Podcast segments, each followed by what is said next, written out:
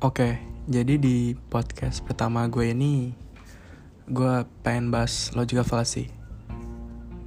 Ini gue juga taunya deket-deket ini sih. Jadi ya coba kita bahas ya dan menurut gue ini penting banget. Jadi logical fallacy adalah sebuah kesalahan atau kesesatan dalam berpikir. Ciri logical fallacy itu asumsi-asumsi yang dikeluarin nggak akurat. Menurut gue logical fallacy ini penting banget berhubung dengan negara kita, negara demokrasi yang memberikan kebebasan berpendapat, pastinya logika fallacy ini menjadi bekal untuk ke depannya lah.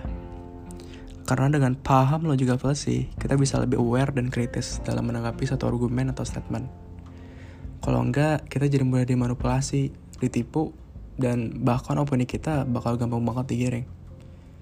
Nah, ini banyak banget terjadi di dunia politik atau di sosmed gitu bayangin aja kita bakal mudah banget kepancing sama statement yang belum tentu benar. Logical fallacy juga penting buat nentuin sikap kita terhadap masalah. Kita jadi bisa ngambil kesimpulan atau tindakan yang sesuai. Macam-macam logical fallacy itu banyak banget ya. Yang gue bahas mungkin beberapa doang ini yang sering ditemuin di kehidupan sehari-hari gitu. Yang pertama ada hasty generalization. Mengambil contoh dari jumlah data atau sampel yang kurang tepat.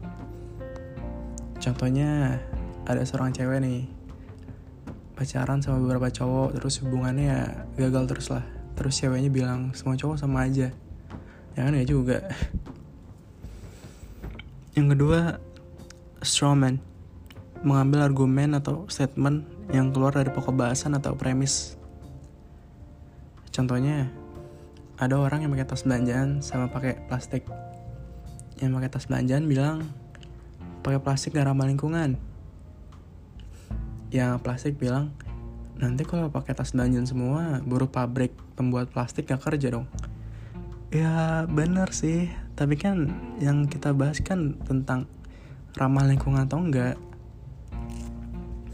Yang ketiga ada ad hominem argumen yang menyerang pada subjek. Contohnya tuh kayak lu udah gak suka orangnya, jadi lu beranggapan semua statement, argumen apa-apa yang keluar darinya tuh salah. Kan sebenarnya kan kita jadi nggak memikirkan ini kan objeknya atau pokok bahasannya, kita mikirin ob subjeknya orangnya gitu. Kalau udah gak suka, wah berarti jelek nih. Nah itu salah. Yang keempat ada ad quantitatem.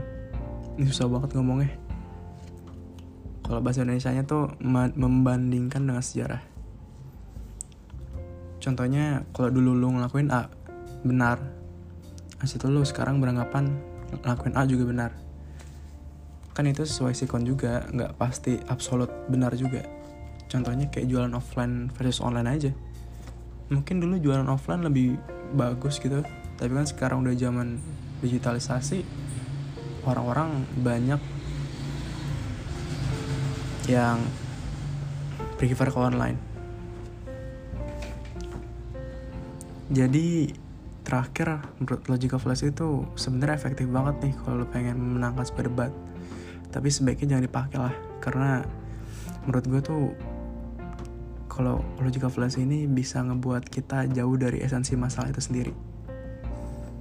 Dan bukan berarti logical fallacy itu selalu salah loh. Bisa aja argumen atau statement itu emang valid atau benar, tapi ya bisa kita bilang itu keliru atau tricky lah menurut gue logical fallacy ini bisa disengaja maupun tidak sengaja.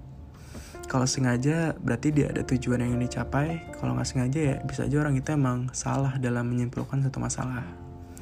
Dan hal tersebut menurut gue berkaitan sih sama critical thinking yang mungkin akan gue bahas nanti. So jadi ini aja dari gue tentang logical fallacy kalau lu punya pendapat lain atau emang gue tadi ada yang salah atau pengen nambahin lu bisa komen atau DM terserah. Dan semoga yang dengerin ya dapat manfaatnya lah. Dan gue di masa depannya kalau gue lupa gue jadi bisa lihat postan ini lagi. Dan ingat apa itu logical fallacy so thank you for your time